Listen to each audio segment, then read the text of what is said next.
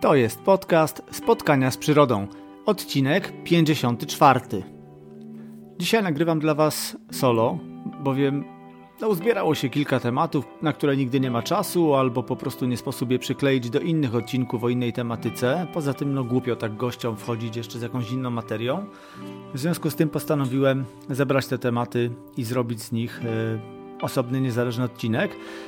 I odcinek ten jest dzisiaj z dedykacją, dedykacją dla Mary, mojej żony, mojej towarzyszki zarówno w terenie, jak i w życiu od paru ładnych lat. To dedykacja urodzinowa. Dziękuję za Twoją cierpliwość i dziękuję za to, że mnie wspierasz. No i jesteś też e, zawsze pierwszym słuchaczem nowych odcinków i jako pierwsza je e, opiniujesz. A teraz już zapraszam do słuchania. Zaczynamy. Ja nazywam się Michał Stanecki, a to jest podcast Spotkania z Przyrodą, poświęcony przyrodzie i naszej wewnętrznej naturze. Podstawą, na której buduję swoją relację z przyrodą, ale również opieram rozmowy w tym podcaście, są emocje, jakie możemy przeżywać właśnie dzięki przyrodzie. Jeśli jesteś obserwatorem, fotografem albo pasjonują się wszelkie inne formy przyrodniczych aktywności, to ten podcast jest dla Ciebie. Zapraszam.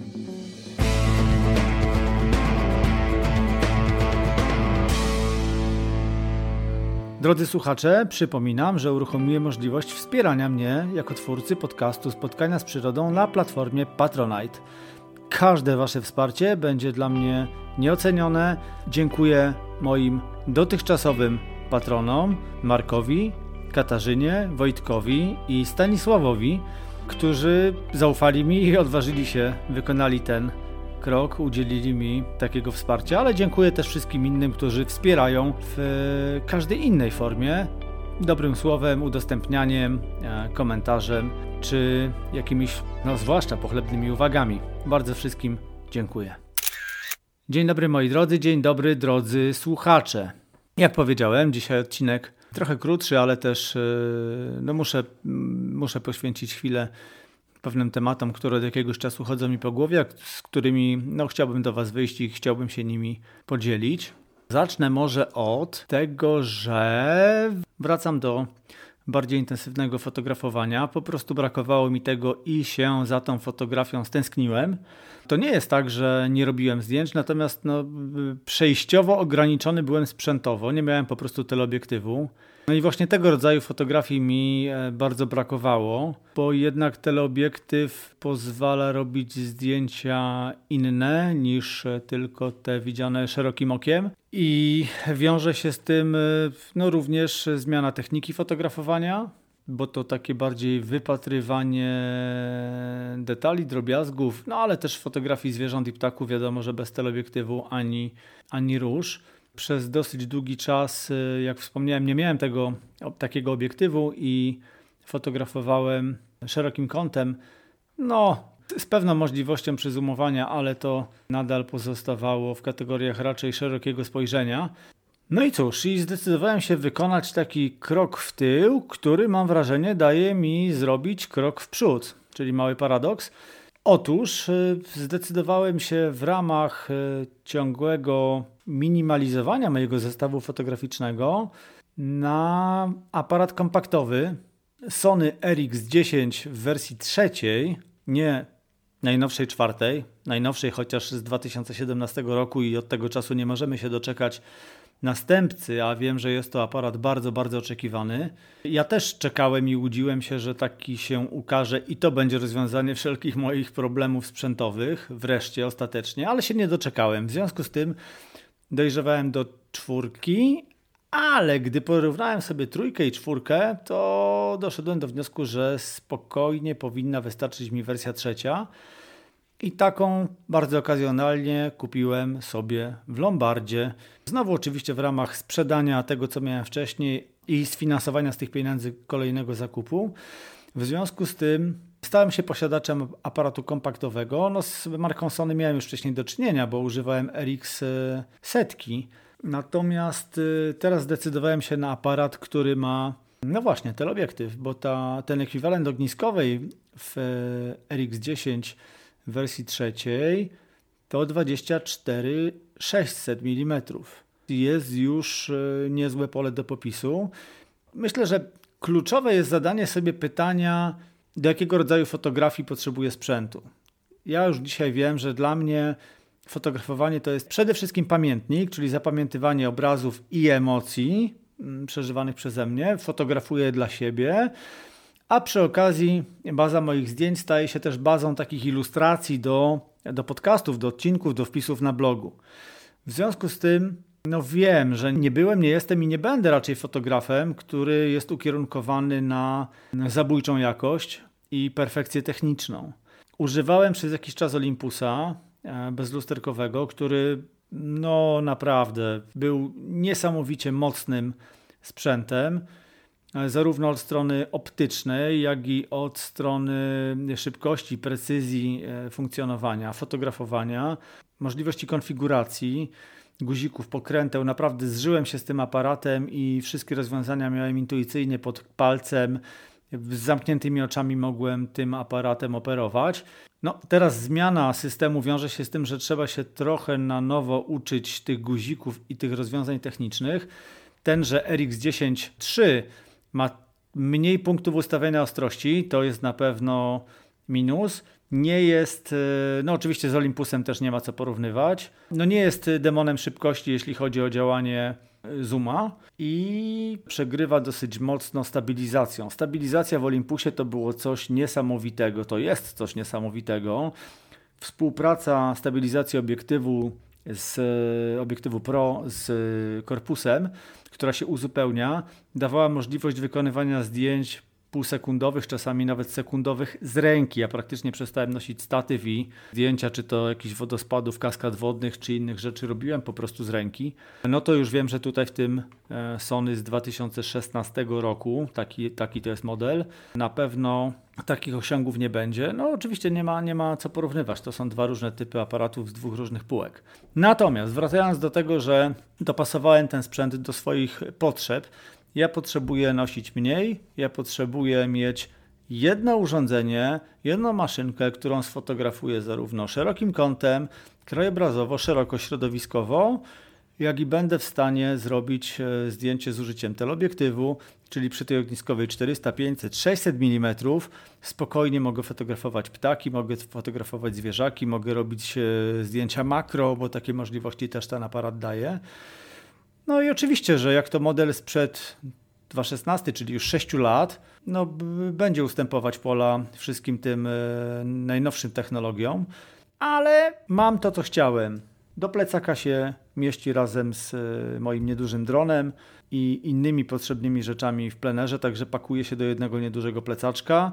Ewentualnie, jeżeli potrzebuję zabrać tylko małą lornetkę i tenże aparat z zapasową baterią, dodatkową kartą pamięci, to mieszczę się naprawdę w malutkiej torbie i e, jestem szczęśliwym człowiekiem, bo nie targam ze sobą dużo sprzętu. Biorę ze, sobą jeszcze w kieszeń tej torby rejestrator dźwięków z zestawem mikrofonów i już jest pełnia szczęścia.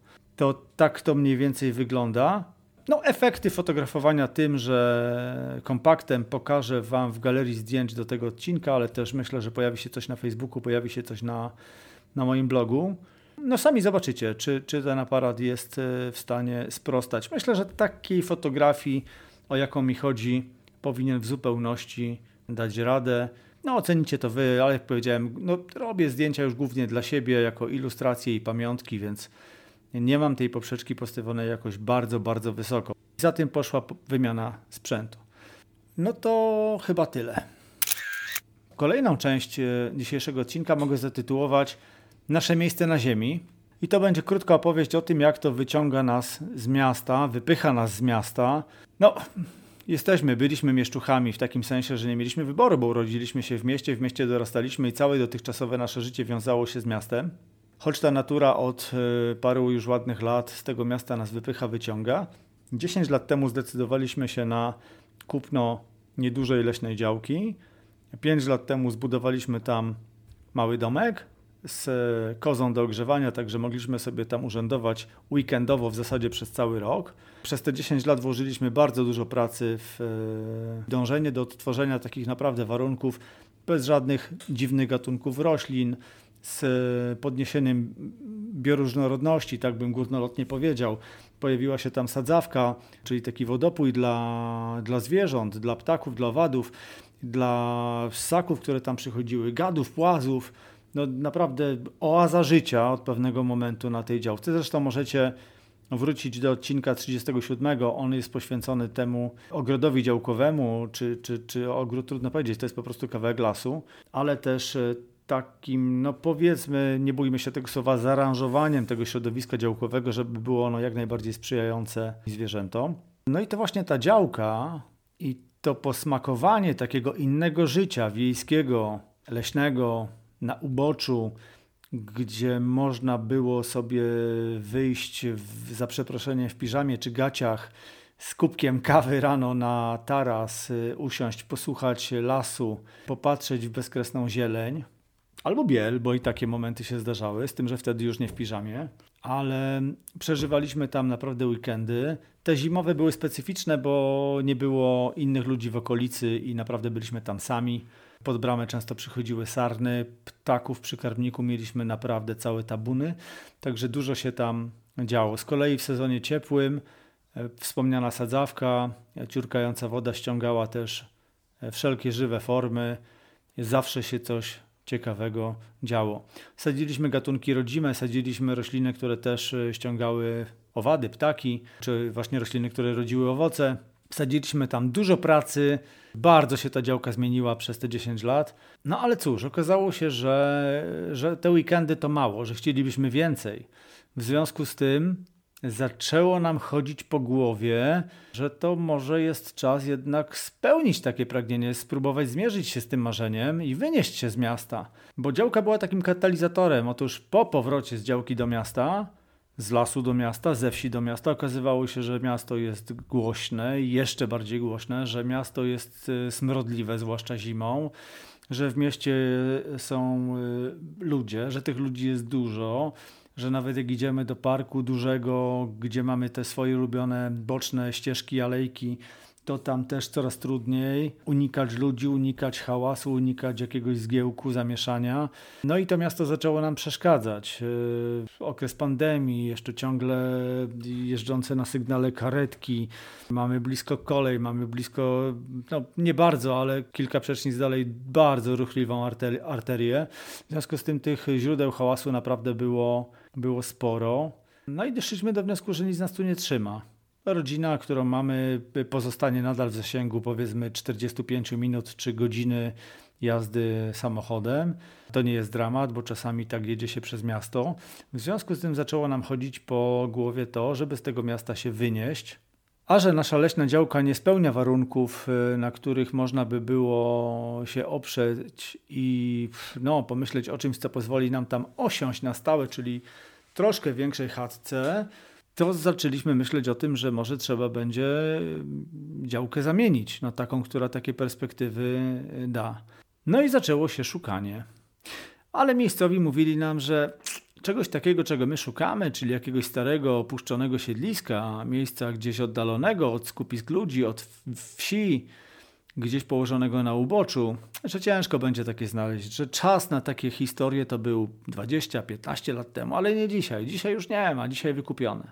No ale szukaliśmy, kręciliśmy się po okolicy, jeździliśmy na wycieczki, chodziliśmy na spacery. Pozostaliśmy na zachód od Łodzi, bo te tereny znamy, te tereny lubimy. Lubimy się poruszać w takim obszarze między Doliną Neru, aż gdzieś po Dolinę Bzury. No i tam skierowaliśmy swoje poszukiwania. No i stało się tak, że faktycznie znaleźliśmy takie miejsce, w czasie, kiedy już trochę zaczynaliśmy tracić nadzieję, że może faktycznie się nie uda, że, że chyba za późno, że przespaliśmy moment, że za późno gdzieś tam to w głowie wykiełkowało. Ale idąc kiedyś na, na spacer z psami, zobaczyliśmy takie miejsce, taką wyspę zieleni na Morzu Zieleni. Mm, kawałek ogrodzonego terenu, mocno zarośniętego, naprawdę nie, niewiarygodnie zarośniętego drzewami zielenią, na skraju łąk, z jednej strony las, po bokach łąki właśnie, a z kolejnej strony łąki, ale przecięte ciekawie meandrującym, nieuregulowanym nerem. Rzeka płynie jakieś 120, może 150 metrów od, od tej działki. No i uwaga, na bramie plakat informacyjny sprzedam i numer telefonu. Zadzwoniłem. Zamieniłem z sympatyczną panią kilka słów. Mm, jakąś godzinę później siedzieliśmy już u niej przy herbacie, oglądaliśmy mapy i dokumenty. Gdy trochę się otworzyliśmy i wyłapała jaka jest nasza natura, że, że ciągnie nas w takie miejsce, że kręcimy się po okolicy za ptakami, z lornetką, aparatem. Bardzo szybko doszła do wniosku, że chętnie z nami porozmawia o tej działce, bowiem ją sytuacja życiowa to wcale nie najgorsza, ale też trochę jej się życie skomplikowało. Spowodowała, że musiała tę działkę sprzedać. Natomiast ta działka też była dla niej takim e, małym oczkiem w głowie, właśnie przez jej taki dziki charakter. Otóż wcześniej było to siedlisko e, zamieszkałe przez ludzi e, dawno temu, chyba kilkadziesiąt lat temu. Potem przez kilkanaście lat stało odłogiem. Potem rodzice tej pani, chyba tak to musiało być, kupili tę działkę razem z pozostałościami małej chatki, starą, niedużą stodołą, starym sadem i dużymi drzewami, ale nie podjęli tam żadnych działań. Potem ci rodzice już e, chyba nie mieli siły na to, żeby się tym zająć. No i działka stała kolejne kilkanaście lat odłogiem, jeszcze bardziej dziczała, aż, e, no właśnie, sytuacja życiowa tejże miłej pani spowodowała, że zdecydowała się ją sprzedać, ale nie chciała jej sprzedać pierwszemu lepszemu nabywcy, bo bardzo jej zależało na tym, żeby ją ochronić, w tym sensie zachować jej charakter. I po jednej, drugiej, e, trzeciej rozmowie zdecydowała się, e, no tak, podjęła decyzję, że może nam tę działkę sprzedać. No powiedzmy, że cena też nie była wygórowana, to było jeszcze przed pandemicznym boomem na sprzedaż działek. Byliśmy w tamtym czasie na wyjeździe w Puszczy Knyszyńskiej i przesympatyczna Małgośka, która była naszą gospodynią, która wylądowała też w sercu Puszczy Knyszyńskiej w małej wiosce, w starej drewnianej chacie, którą sobie pomału remontowała, w chacie po babci. A jak mówiliśmy o tym, że szukamy działki, że takie miejsce, no strasznie się obruszyła. Powiedziała, że przeraźliwie wkurzają to, że dzisiaj wszyscy chcą kupować działki. Te kolejne tereny są cięte, sprzedawane i powstają te dziwne osiedla, powstają te dziwne mm, kolonie, że po prostu cały czas gdzieś e, ludzie z tymi swoimi działkami wchodzą coraz dalej w przyrodę i e, mocno się na to irytowała. No, jak pogadaliśmy z nią chwilę, powiedzieliśmy jak sprawa wygląda, to faktycznie ucieszył ją taki obrót sprawy, że można by no, w dobrym znaczeniu ocalić ten kawałek przed kimś, kto mógłby tam przyjść i spróbować nadać tej działce charakter, jaki jest teraz w modzie, czyli trawnik na krótko plustuje i kawałek kostki.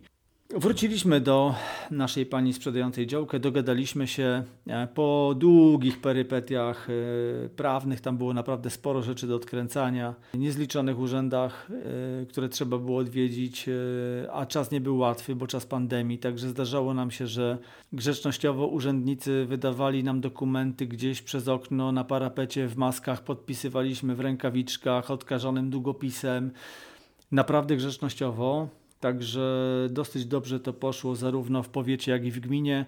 No i staliśmy się szczęśliwymi posiadaczami tegoż kawałka ziemi w Dolinie Neru. Dlaczego ja Wam o tym opowiadam? To nie jest tak, że mam jakąś mocną potrzebę w sobie y, y, pochwalenia się tym, że kupiliśmy działkę, tylko tym, że jest to zupełnie inny rodzaj frajdy i radości, kiedy realizując pewne swoje marzenia, można się tym z kimś y, podzielić.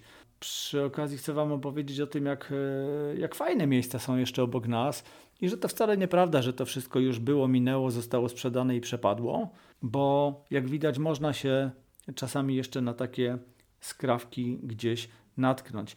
Co ciekawe, ta działka jest położona mm, poza wsią, dzieli nas od zabudowań wioski jakieś 700 metrów i, i spory kawałek łąki.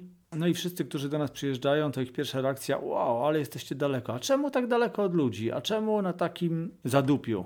No i właśnie to nas cieszy najbardziej, bo my chcieliśmy być z boku, bo my chcieliśmy być trochę dalej od całego tego zamieszania, czy to miastowego, czy małomiasteczkowego, czy, czy nawet wiejskiego bo pokochaliśmy ciszę, bo pokochaliśmy spokój, pokochaliśmy dystans do, do ludzi, do innych zabudowań, do latarni, hałasów, nawet tych gospodarczych, których przecież też na wsi nie, nie brakuje. Z nimi się trzeba zżyć, ale faktycznie one nie są tak, tak ciężkie, irytujące jak te miejskie.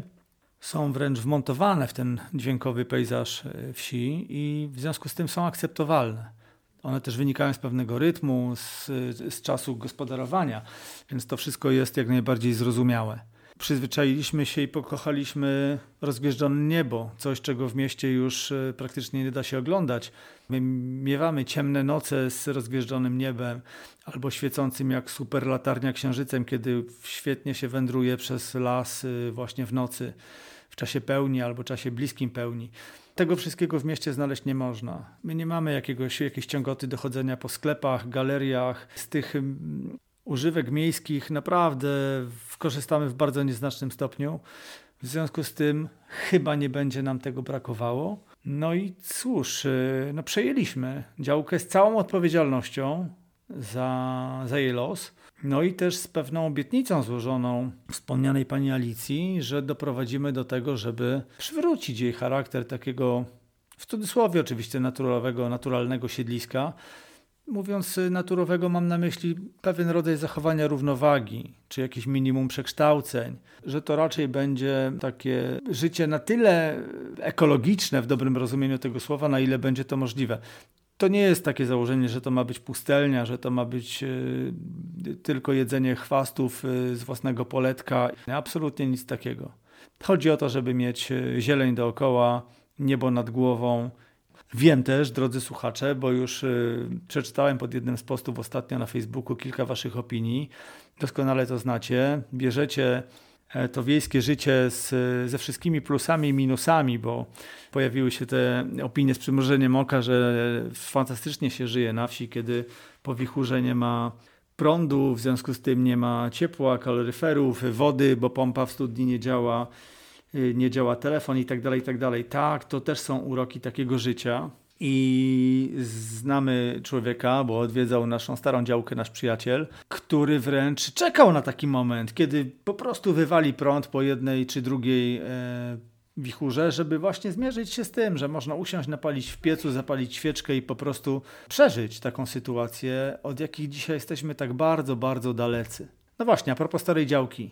Ona zostanie w dobrych rękach. My ją musieliśmy sprzedać. No, musimy tutaj żonglować jakoś i, i, i, oscylować w jednym budżecie, więc pewnie skończy się to tak, że pozbędziemy się miejskiego mieszkania i poprzedniej działki, żebyśmy mogli się zrealizować w tym nowym miejscu.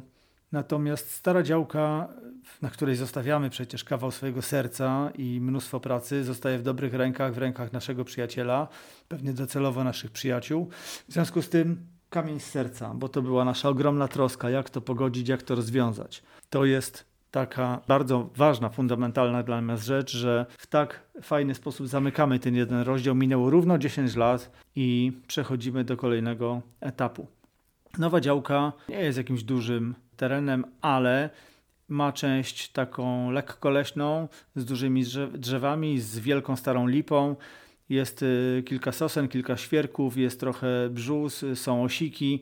Jest kilka drzew w starym sadzie, bardzo zapuszczonym, bardzo zaniedbanym. Są stare jabłonie, niesamowicie owocujące.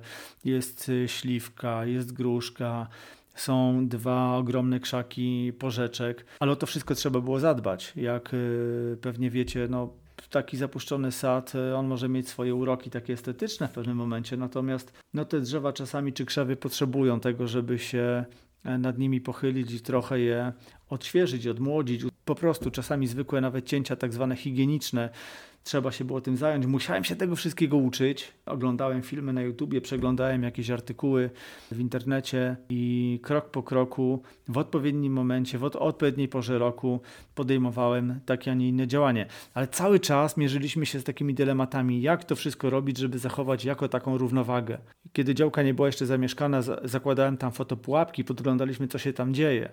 Taki filmik też umieszczam na stronie bloga, w notatkach do tego odcinka. Tam przychodziły kuny, przychodziły lisy, przychodziły sarny, przylatywał puszczyk. No, puszczyk pojawił się raz, nagrany został raz, ale sójki, dzięcioły, dzięcioł czarny y, kilka razy no, ptasia drobnica, przychodziły bażanty, y, ogrodzenie było trochę w rozsypce, w związku z tym no, tam nie było problemu, żeby z łąk te, te zwierzęta mogły, sobie, mogły się przedostać. A przychodziły też psy ze wsi, przychodziły koty ze wsi, to wszystko się gdzieś tam nagrywało.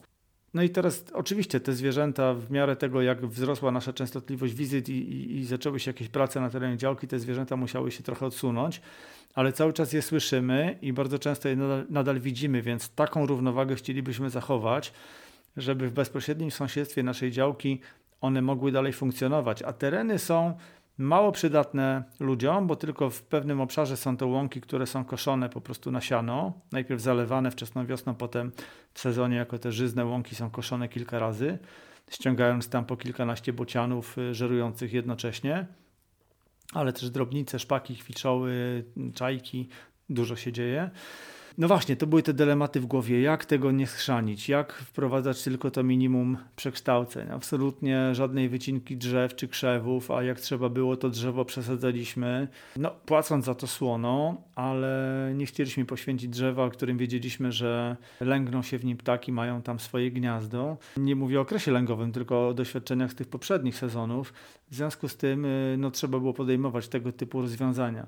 Konsultowaliśmy się z ornitologami, z sowiarzami, e, zawiesiliśmy kosz dla uszatek, e, zawiesiliśmy budkę dla pójdziek, powiesiliśmy sporo budek lęgowych dla drobnicy, dla, dla sikor, dla półdzioplaków, dla dudka, no bo przecież na łąkach. Powiesiliśmy oczywiście dla szpaków, e, będą jeszcze budki dla nietoperzy, będą jeszcze, będzie coś dla owadów. Także tych, tych ruchów już też było sporo, bo przecież już czas może płynąć, już możemy mieć jeden sezon z tymi dodatkowymi sztucznymi dziuplami. Niech to wszystko działa, niech to wszystko daje jakieś wsparcie e, chociażby ptakom. Zajęliśmy się sadem, poprzycinaliśmy to, co trzeba, zobaczymy jak to, jakie będą efekty w tym roku, w tym pierwszym sezonie po.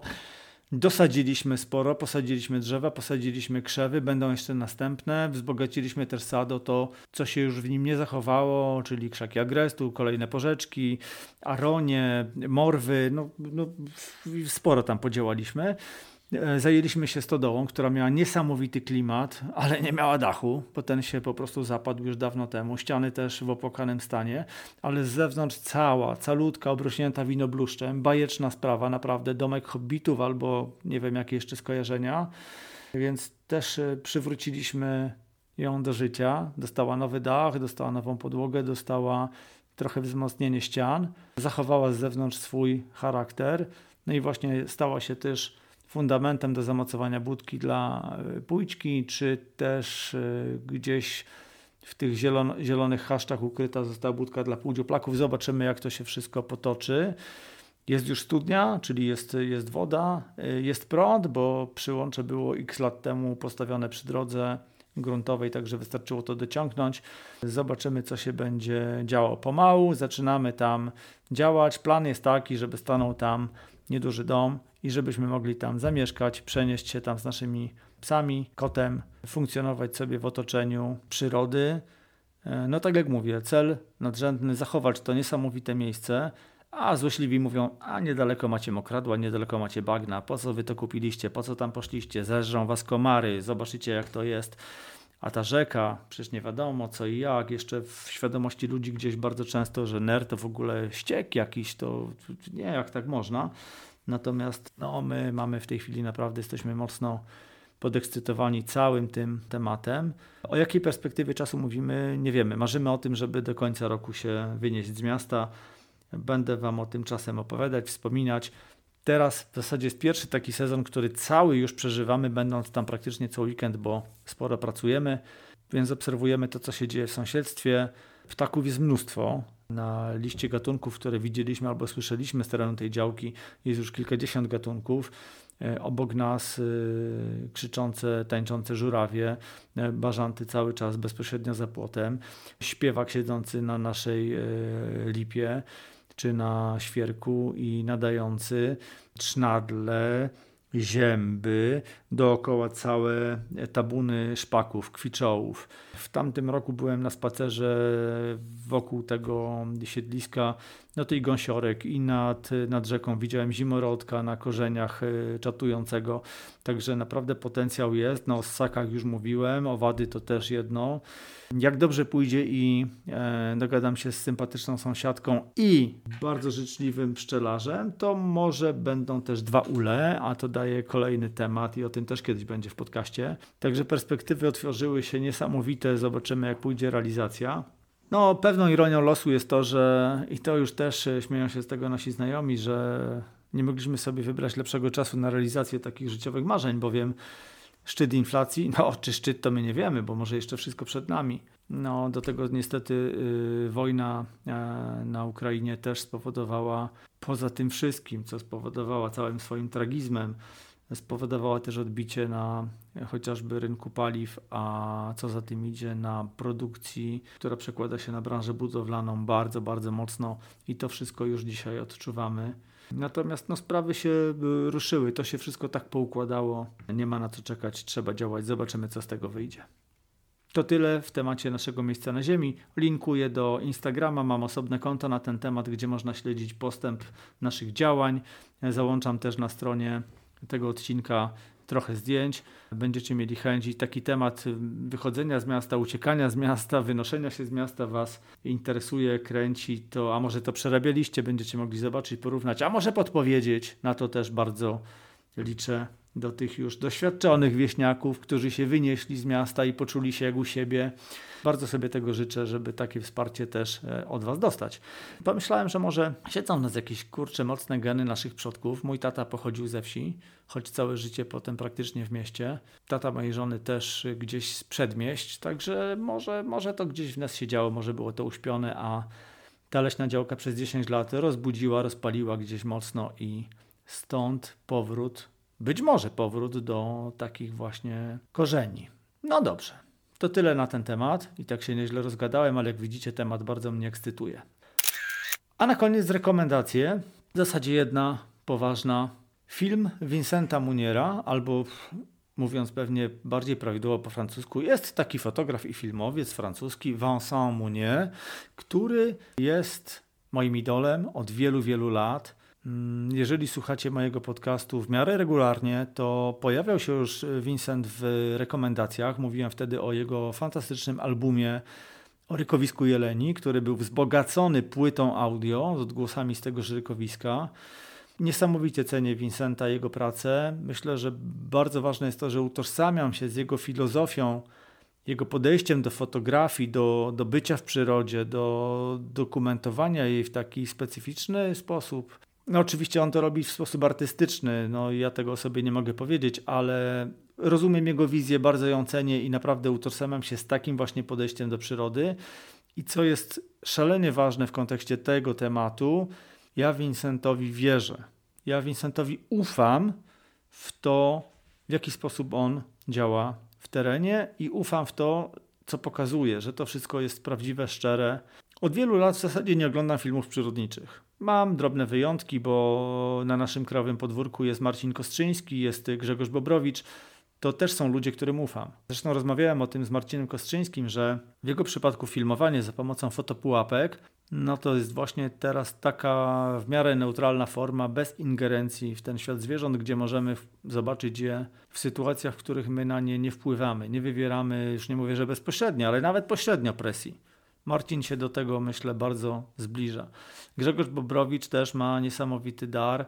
Będę linkować Wam do y, kanałów. No zresztą Marcina wiecie, gdzie szukać, każdy go zna. Grzegorz też jest postacią rozpoznawalną.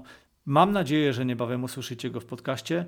Póki co zalinkuję, zobaczycie y, niesamowite jego y, filmy, krótkie filmy przyrodnicze, chociażby te, które zamieszcza na YouTubie, czy linkuję do nich na Facebooku. Więc naprawdę tych twórców jest niewielu, którym zaufałem, bo wcześniej miałem po prostu przesyt i porzuciłem filmy przyrodnicze, w których widzieliśmy sytuacje aranżowane, kreowane od początku do końca. Czy to kręcone w zaaranżowanej scenerii, czy to kręcone z udziałem zwierząt, które zostały wychowane przy człowieku i przystosowane do pewnych sytuacji, żeby mogły potem powstać fenomenalne zdjęcia ptaków, które lecą obok gdzieś kamery, ptaków, które robią to czy tamto, gdzieś chodzą za człowiekiem, albo zwierząt, które się e, gonią, bawią w, na ogrodzonym terenie, co potem ma pokazywać taką czy inną sytuację, odgrywać jakąś tam scenę poprzez no, niemalże symulację i właśnie aranżację. Tego typu rzeczy zniechęciły mnie totalnie do filmów i naprawdę miałem długą przerwę, poza wyjątkami, o których wspomniałem.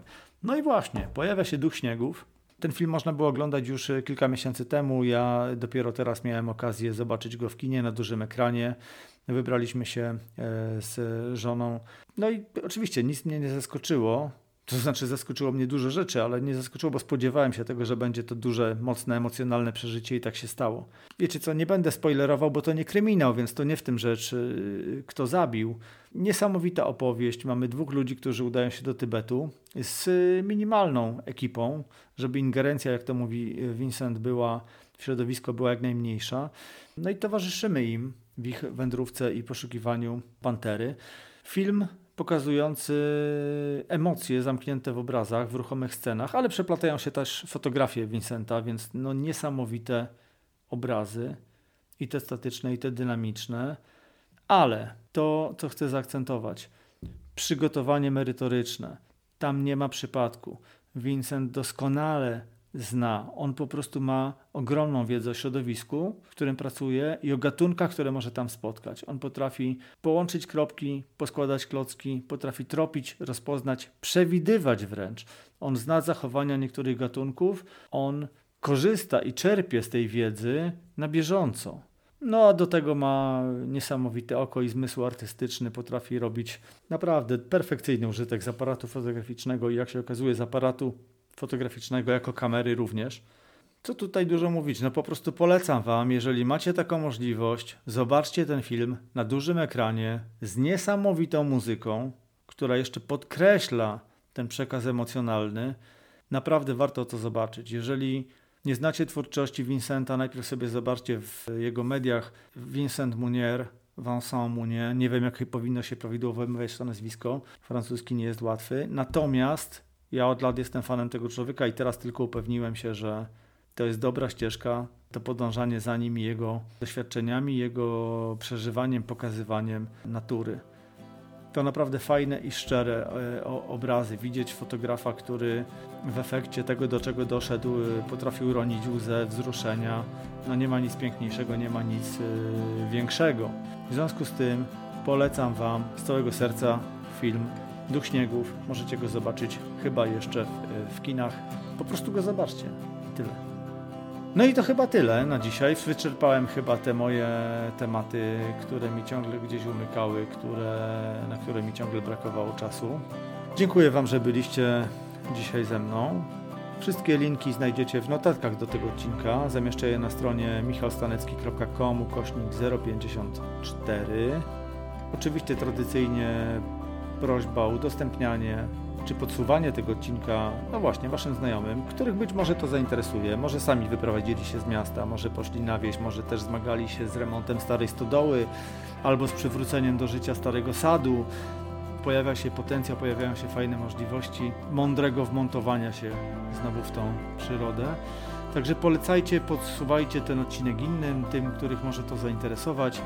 Być może wśród Was, słuchacze, są użytkownicy Sony Ericsson dziesiątki w wersji trzeciej, a może czwartej. Podzielcie się swoimi uwagami na temat tego sprzętu. Jeżeli widzieliście film Vincenta Munier, podzielcie się swoją opinią. Napiszcie, jakie na Was zrobił wrażenie. Na koniec zasygnalizuję, że kilka dni temu minęły dokładnie dwa lata, odkąd zacząłem ten podcast nagrywać. Za kilka dni wrzucę na, na bloga i na e, Facebook e, spotkań z przyrodą taki krótki post dotyczący właśnie tych dwóch lat, tego czego najbardziej lubiliście słuchać i kogo najbardziej lubiliście słuchać. Myślę, że dla niektórych z Was to może być bardzo, bardzo ciekawe. Dziękuję Wam raz jeszcze za wszystko, szczególnie moim patronom, Markowi, Katarzynie, Wojtkowi i Stanisławowi. Dziękuję za Wasze wsparcie i za zaufanie. Wszystkiego dobrego. Życzę Wam spokojnych dni, tych najbliższych. Może będzie też sposób też do tego, żeby się wyrwać gdzieś z rodzinnego stołu i zarwać wczesny ranek, schyłek nocy. Może dopisze pogoda i będziecie mogli się nasycić fajnymi wiosennymi dniami. Tego nam, Wam wszystkim życzę. Wszystkiego dobrego. Do usłyszenia wkrótce. Cześć!